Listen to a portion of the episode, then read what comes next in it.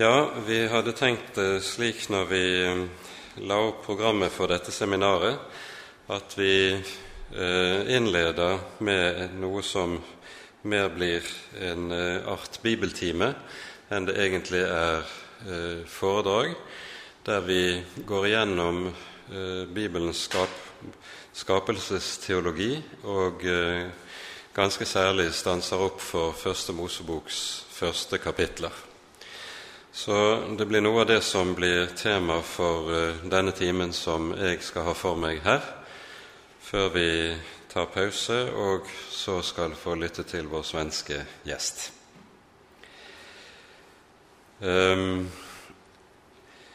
jeg tror at når vi har satt opp dette temaet for disse to dagene vi skal være sammen, så noe av bakgrunnen for det, det er at vi lever i en kultursituasjon hvor et økende antall mennesker står fullstendig fremmed overfor det bibelske budskap. Og Da tenker jeg ikke bare på det bibelske budskap om skapelsen, men det bibelske budskap i allmennhet. Eh, man har jo lenge talt om eh, de kirkefremmede, Eh, men det har jo likevel gjerne vært slik at også kirkefremmede har hatt viss, et visst minimum av kunnskap om kristen tro. Det ser ut til at dette etter hvert også eh, mer og mer er i ferd med å svinne hen.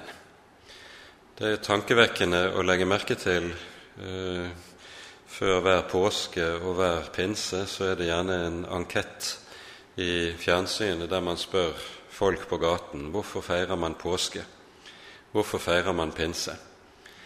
Og eh, man kan bli ganske forskrekket over eh, den uvitenhet som da kommer for dagen, med tanke på det som skulle vært helt elementære saker når det gjelder vår kristne tro og den kristne menighets liv. I Det nye testamentet så finner vi én tale som er holdt, eh, som er gjengitt, og som er holdt overfor det vi vil ikke bare kalle for kirkefremmede, men også fremmede overfor eh, den bibelske åpenbaring. Og Det er Paulus tale på Areopagos, som vi finner i apostelgjerningenes 17. kapittel. Og Dette er en uhyre betydningsfull tale eh, av flere grunner.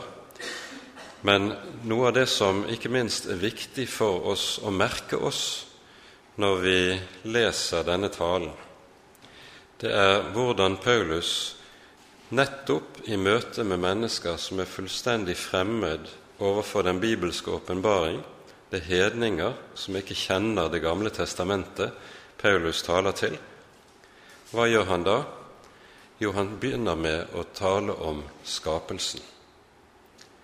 Poenget er at skapelsesberetningen den utgjør, eller det vi leser i de tre første kapitlene særlig i Første Mosebok, det utgjør så å si selve rammeverket for all forståelse overhodet hvis du skal begripe det som Bibelen har å si i fortsettelsen.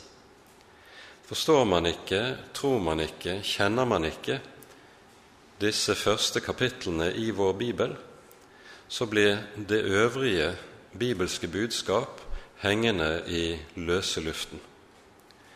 Og Dette er noe av det som er betydningen av talen i apostelgjerningene 17. Og vi skal lese noen vers fra denne innledningsvis. Vi begynner fra vers 24. Gud, Han som skapte verden og alt som i den er, Han som er Herre over himmel og jord. Han bor ikke i templer som er bygd med hender. Heller ikke lar han seg tjene av menneskehender som om han trengte til noe. For det er Han selv som gir alle liv og ånde og alle ting. Han lot alle folkeslag av ett blod bo over jorderiket, og han satte faste tider for dem og bestemte grensene mellom deres bosteder. Dette gjorde han for at de skulle søke Gud, om de kanskje kunne føle ham og finne ham, enda han ikke er langt borte fra en eneste av oss. For i ham er det vi lever og rører oss og er til som også noen av deres egne diktere har sagt, for vi er også hans slekt. Det vi altså legger merke til her, det er at før Paulus i det hele tatt nevner Jesu navn, taler om frelsen, så taler han om skapelsen og menneskets plass i skaperverket, og med det så angis også noe av det grunnleggende i det bibelske gudsbildet. For det bibelske gudsbildet henger på dypeste vis sammen med nettopp Bibelens tale også om skapelsen. Saken er jo nemlig den at der troen på skapelsen og på skaperen blir borte, der forsvinner også menneskets bevissthet om at jeg er en skapning som også står til ansvar for Han som er mitt opphav. Selve forkynnelsen av skapelsen er forutsetningen for å kunne tale om at mennesket skal stå til ansvar for Gud. Og blir altså skapelsen og skaperen borte, da blir også denne elementære forståelsen av at jeg skal stå til ansvar borte. Og så, når Paulus på denne måten har talt om skapelsen og menneskets plass i skaperverket, så er det han kan begynne å tale om frelsesbudskapet. Fra vers 30 i samme talen leser vi følgende.: Etter at Gud har båret over med uvitenhetstider, befaler han nå mennesker alle steder at de skal omvende seg.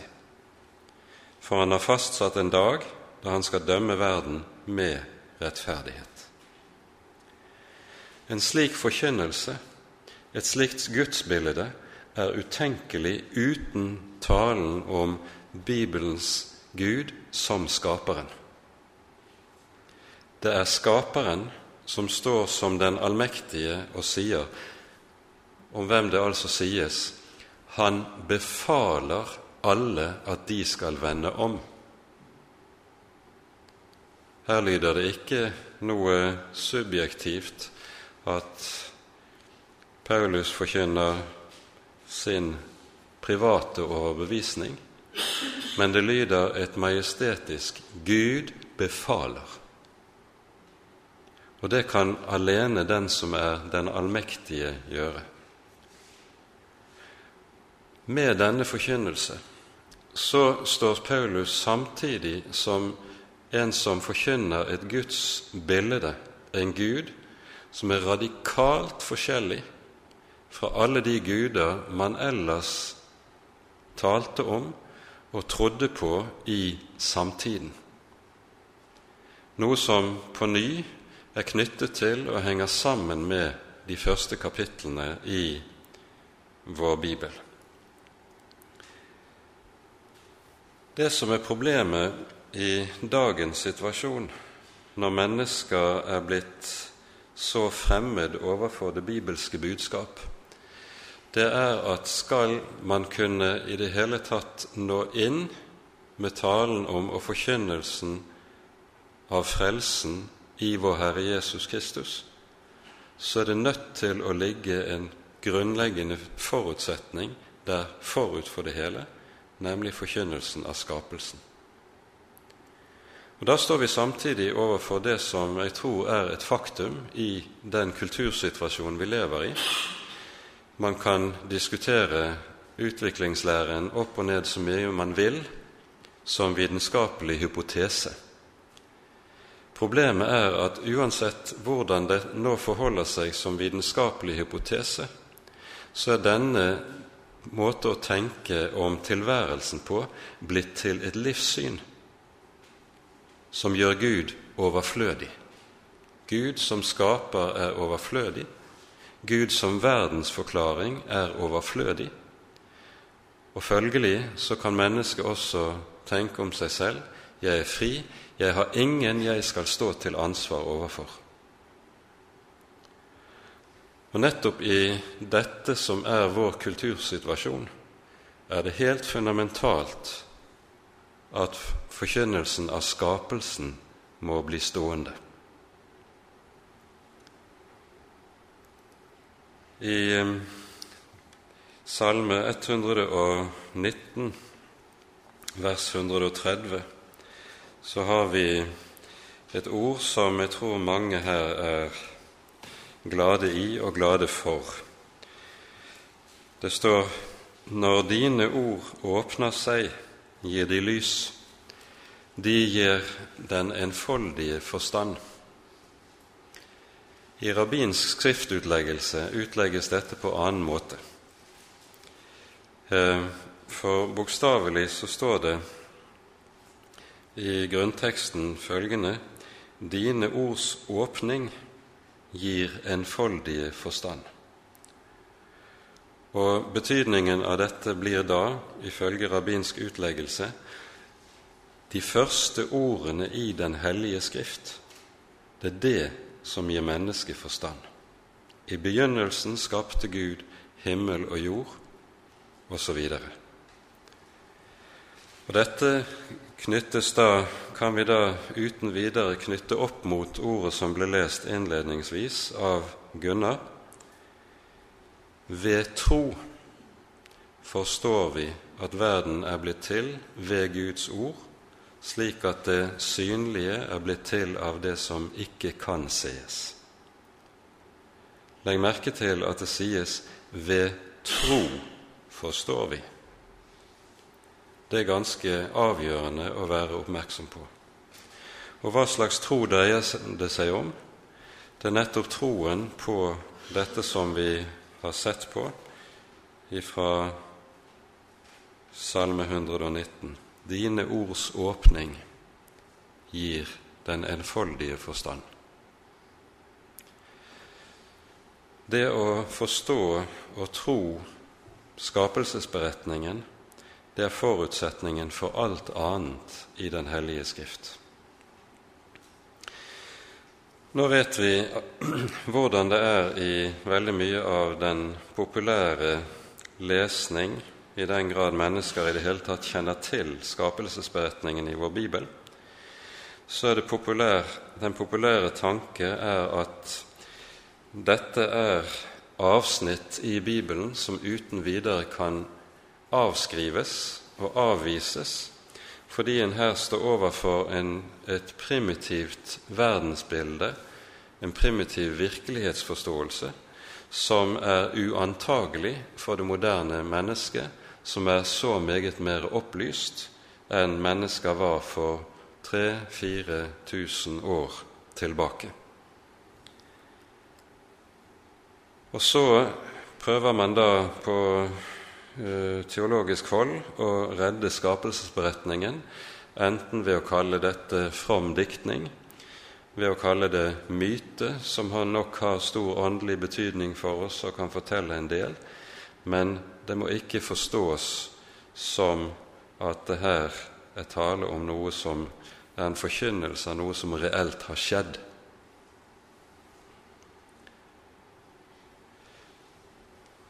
Da er det avgjørende, tror jeg, å være klar over at hvis en leser de første kapitlene i Første Mosebok ved siden av de skapelsesberetninger og skapelsesmyter som man finner i den bibelske samtid, så vil man se ganske raskt at Bibelens skapelsesberetning slett ikke er et speilbilde av hvorledes man den gang vanligvis tenkte. Tvert om. Bibelens skapelsesberetning er radikalt forskjellig i alle grunnleggende trekk enn det som var vanlig å tenke i samtiden. Vi skal se på et par av de vesentlige sider ved dette før i denne timen. Hvis vi nå går til Første Moseboks første kapittel og leser det første vers Vi kommer ikke til å gå gjennom Første Mosebok igjen i veldig uh, detalj. Vi vil kun stanse opp for enkelte viktige og sentrale trekk. Hvis vi nå leser vers 1 I begynnelsen skapte Gud himmelen og jorden. Så er, står vi allerede med dette første verset ved noe som står i radikal motsetning til alt vi finner i nettopp den bibelske samtid. Det første, og kanskje det mest sentrale, som vi da skal peke på, det er at så godt som alle skapelsesmytene man kjenner til fra den bibelske samtid, de er ikke utelukkende beretninger om hvordan man tenkte seg at verden var blitt til. Det er også beretninger om hvordan man tenkte seg at gudene var blitt til. De var det som kalles for teogonier.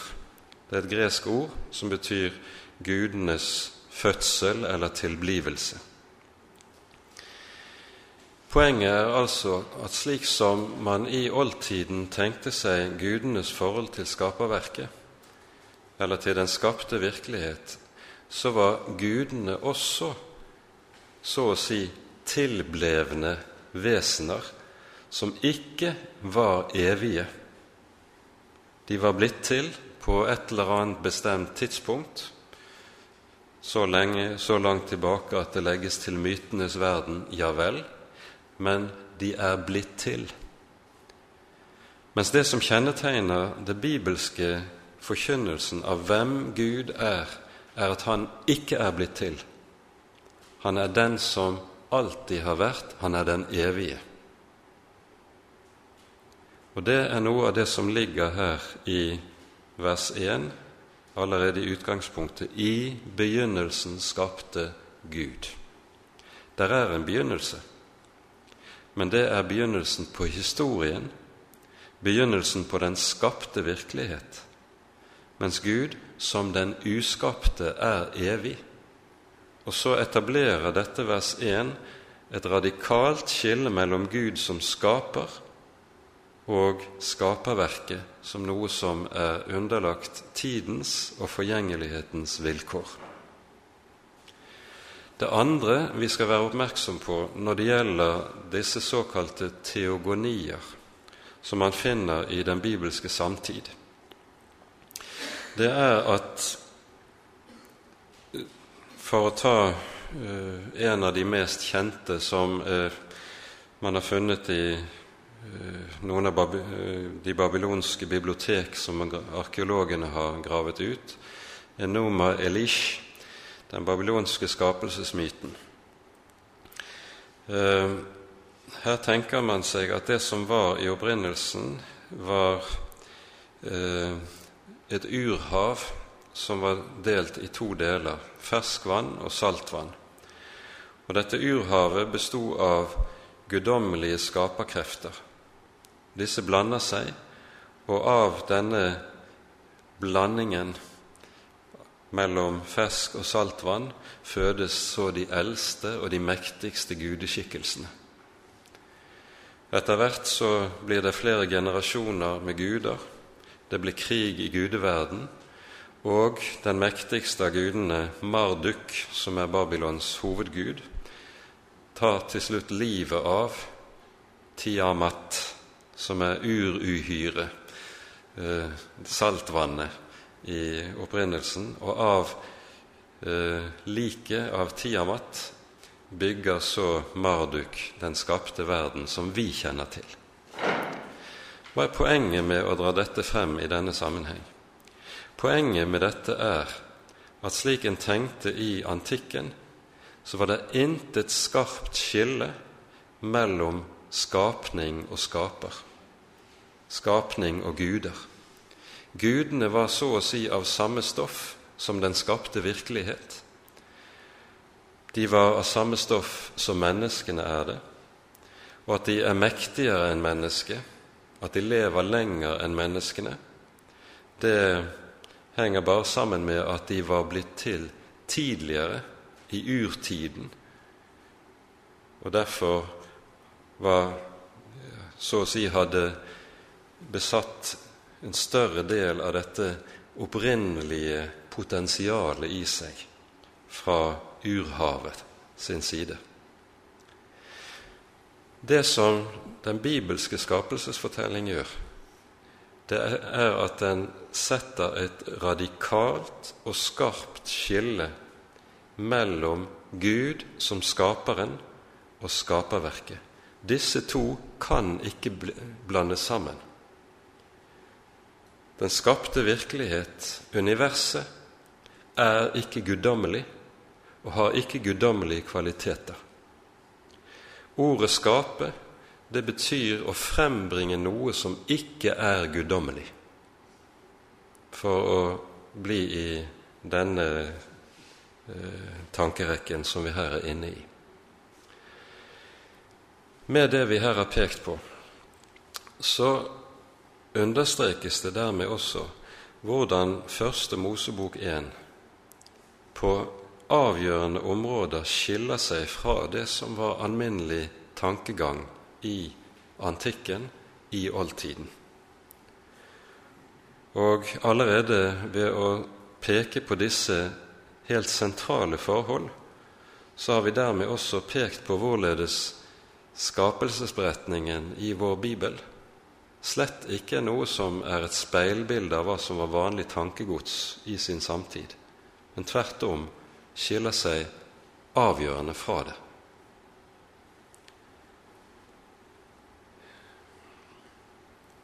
Det neste vi skal peke på i denne sammenheng, det er at når vi leser dette kapittel 1 i Første Mosebok, så hører vi hvorledes Gud bygger den skapte virkelighet opp på planmessig måte.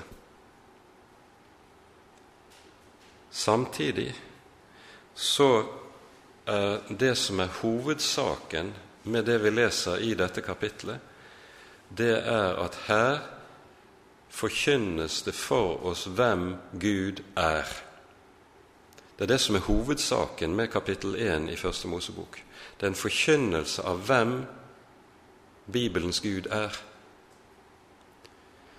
Og så i korthuggen form så fremholdes det også for oss hvorledes Han som er den allmektige Gud, frembringer alt det.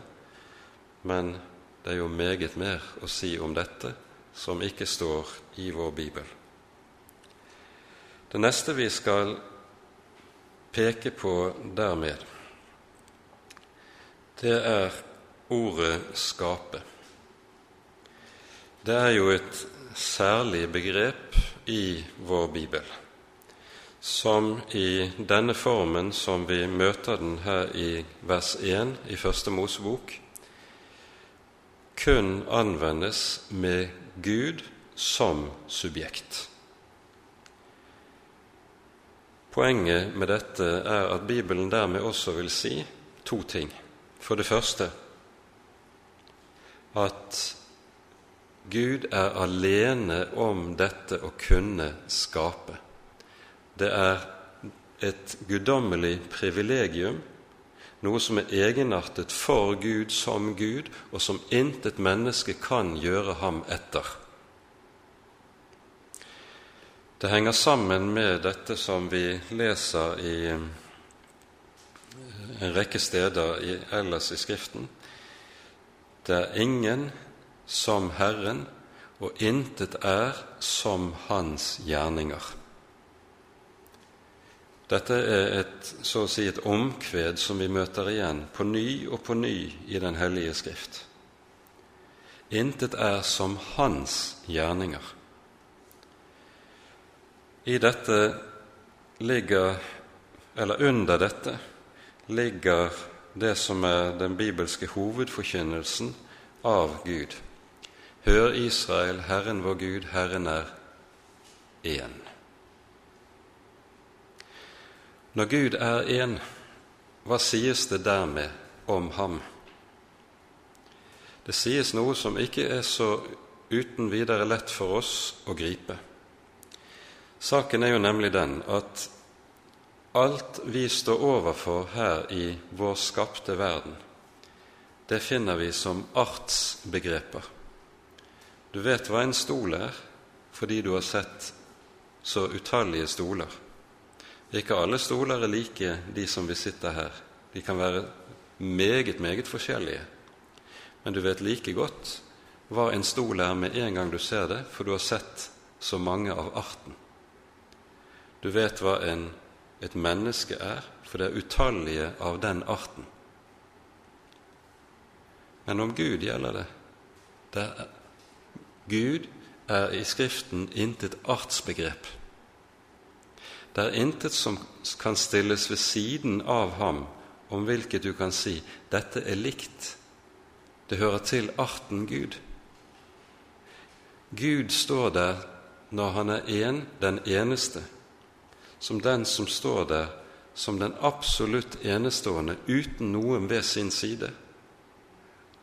Og på samme måte forkynner Skriften om hans gjerninger at de også svarer til dette. Hvem er som du, Herre? Og hva er som dine gjerninger? Det er intet. Hans gjerninger svarer til hans vesen. Det er intet som svarer til ham, som er hans like. Og dette som har med Guds enhet å gjøre slik, det er noe av det som kommer til uttrykk i begrepet 'skape'. Dette er noe alene den allmektige kan gjøre. Når mennesker skaper, så kan de forme noe som allerede er gitt der på forhånd. De kan forme materialer på ulik måte men det er noe som er gitt på forhånd, som en bearbeider. Og Av og til kaller vi det for å skape. Men skape i denne forstand, som vi hører Gud gjør i begynnelsen, det kan intet menneske gjøre. Når dette verbet anvendes, så betyr det dermed også at det ligger i det å frembringe noe av intet. Der er en begynnelse. Materien er ikke evig. Der er en begynnelse der Gud frembringer den materielle, skapte verden og virkelighet. Før, denne, før dette var det ikke til. Men i og med at ordet har denne, noe av dette liggende i seg som sin betydning, så innebærer det også at overalt hvor dette verbet anvendes slik, så betegner det frembringelse av noe som er kvalitativt nytt.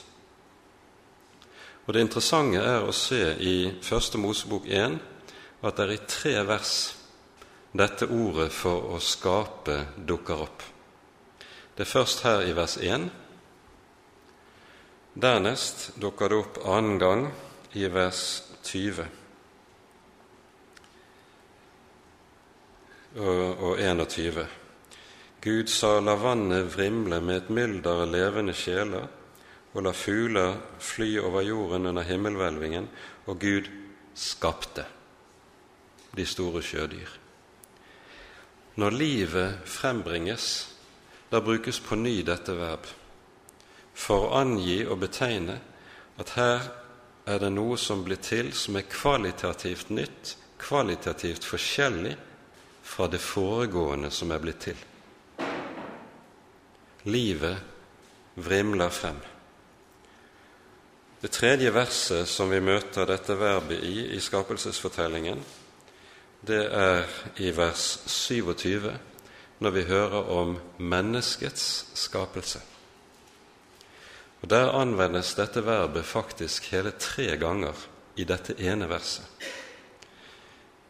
Vi leser vers 26 og 27.: La oss gjøre mennesker i vårt bilde, etter vår lignelse, og de skal råde over havets fisker, over himmelens fugler, over feet, over all jorden og over hvert kryp som rører seg på jorden. Og Gud skapte mennesket i sitt bilde. I Guds bilde skapte han det, til mann og kvinne skapte han dem. Tre ganger dukker dette samme verbet opp i dette verset. For liksom med den største kraft å understreke at når mennesket frembringes, så er mennesket atter noe som er kvalitativt nytt, kvalitativt forskjellig fra alt det som er skapt i det foregående. Her står noe frem på jorden som er skapt i Guds bilde, hvilket ikke kan sies om noe av det annet som er skapt i det foregående. Det vi altså ser ved en, denne måten å lese skapelsesberetningen på, det er at skapelsesberetningen ved sitt blotte ordvalg understreker helt fundamentale sannheter for oss som er avgjørende med tanke på hele den øvrige bibelske åpenbaring som følger efter. To ting til må vi legge til i forhold til dette. Når Første Mosebok begynner med ordene 'i begynnelsen', og altså taler om den skapte virkelighet som noe som er blitt til en gang på Guds befaling, så henger dette sammen med at Bibelen også forkynner at denne skapte virkelighet har en fått en begrenset tid den skal eksistere og finnes. Og I tråd med dette forkynner Skriften Gud som begynnelsen og enden. Han som er alle tings opphav, han er den som også en dag setter punktum for alle ting. Han er alfa og omega. For det andre, når Bibelen taler på denne måte om Gud som den allmektige, som har frembrakt alt det på sitt ord og sin befaling, så brukes det et særlig begrep om ham som vi finner en rekke steder, særlig i Det gamle testamentet, men også et par steder i Det nye testamentet. Gud kalles for den levende Gud. Poenget med dette begrepet er at dermed så tegnes og forkynnes Gud for oss som den som er aktivt virkende i det skaperverk som han har frembrakt. Han er den levende Gud. For skapelsen er ikke noe som bare har så å si hatt sin begynnelse en gang, og at Gud så å si er en urmaker, sånn som han eh, talte om i, hos rasjonalistene på 1600- og 1700-tallet. Han er en urmaker som har laget en klokke og trukket den opp, og så har han trukket seg tilbake, og så fungerer alt etter sin egen lovmessighet. Nei, den Gud som har skapt alt det, som er den allmektige, han er den som er aktivt virkende og nærværende i den skapte virkelighet som han har frembrakt, og som han våker over. Og Derfor hører vi Luther i sin forklaring til første trosartikkel skriver følgende i Lille katekisme. Trosartikkelen lyder jeg tror på Gud Fader, den allmektige himmelens og jordens skaper. Ja vel, da tales det om noe som en gang var eller skjedde i begynnelsen. Men Luther i sin forklaring han nøyer seg ikke med å tale om troen på det som en gang skjedde. Nei, hva gjør han? Han sier, 'Jeg tror at Gud har skapt meg og alle skapninger' at Han har gitt meg legeme og sjel, øyne, ører og alle lemmer, fornuft og alle sanser, og fremdeles holder alt dette ved like.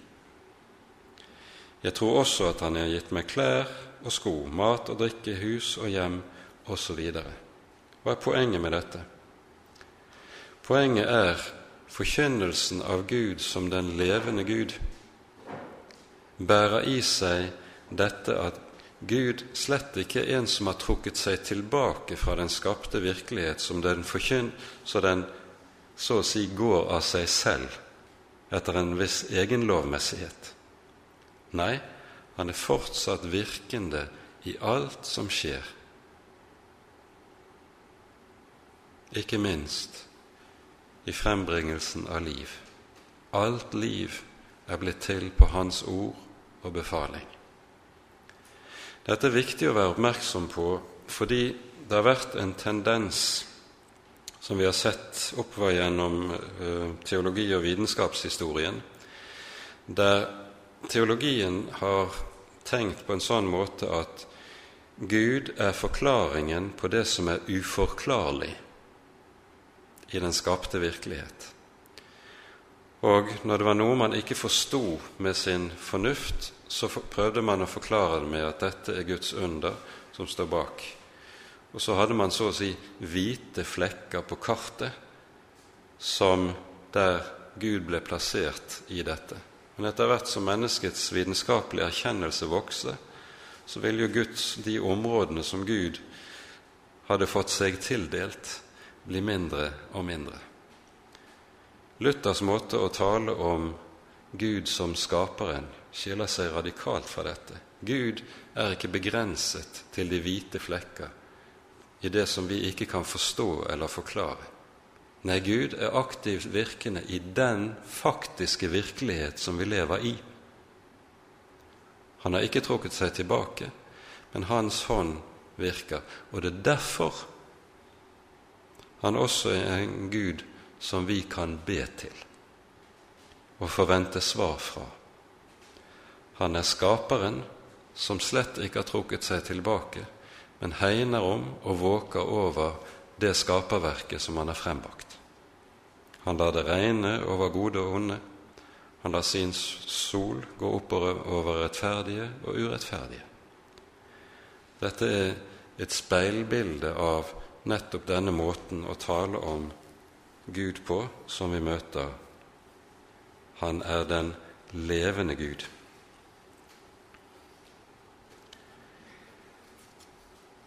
Vi har pekt på med dette at Gud som skaper og skaperverket ikke kan blandes sammen. Gud som den allmektige er den som trer frem når han skaper. Ordene himmel og jord er jo i Bibelen betegnelse for den skapte virkelighet som totalitet, det vi vil ellers kalle for universet. Men vi skal også være oppmerksom på en annen viktig side ved forkynnelsen av hvem Gud er her i Første Mosebok, og det er at Gud er person. Han taler nemlig. Når han skaper, så gjør han det ved å tale. Gud sa 'det blir lys', og det ble lys. Og det er kun personer som kan tale, formulere meningsfylte setninger. Dette står i kontrast til, eller i motsetning til, alt det som kalles for panteisme, der Gud bare blir en upersonlig kraft som på en eller annen måte går opp i den skapte virkelighet, men er altså upersonlig. Gud skaper ved å tale. Og Det vi ser som en avgjørende side ved menneskets gudbilledlighet når Gud skaper mennesket, det er at mennesket også skapes som person.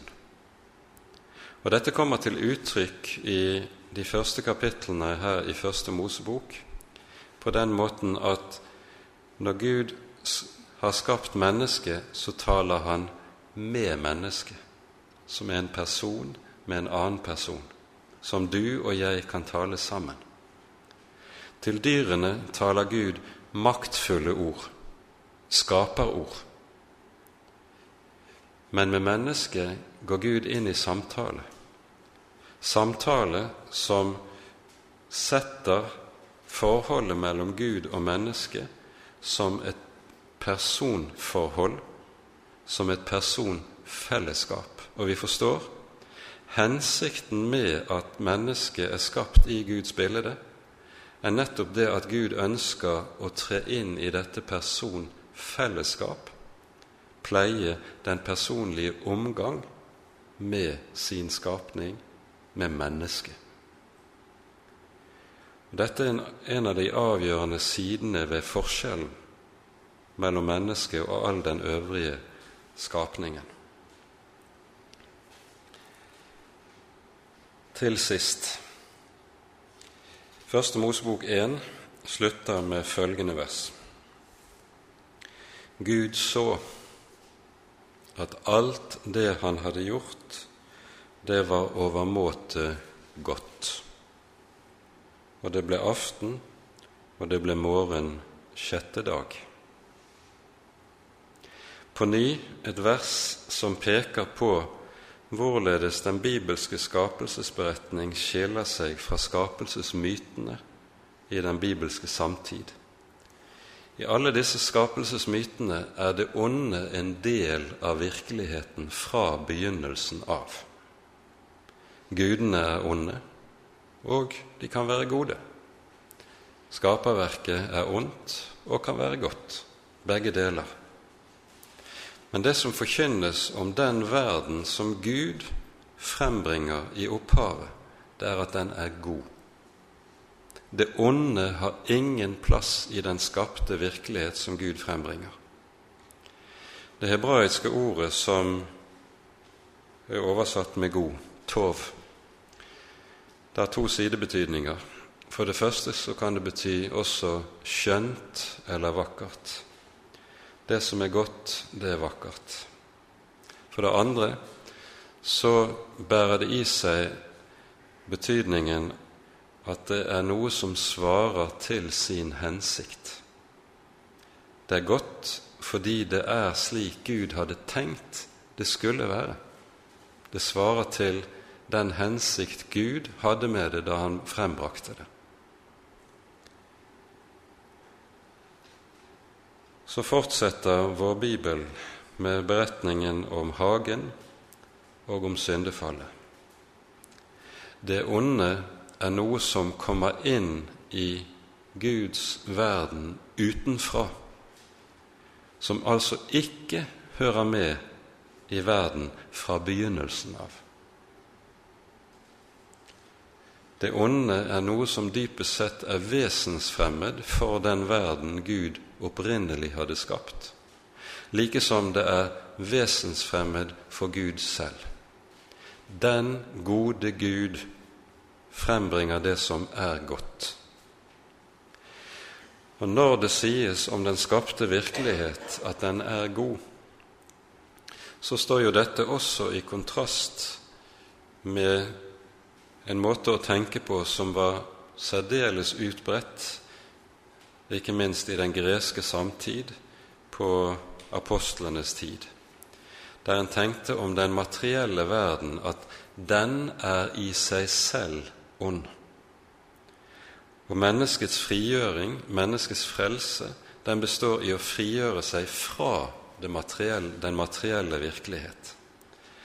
Det er dette du finner innen gnostisismen, innen den platonske og nyplatonske filosofi i oldtiden.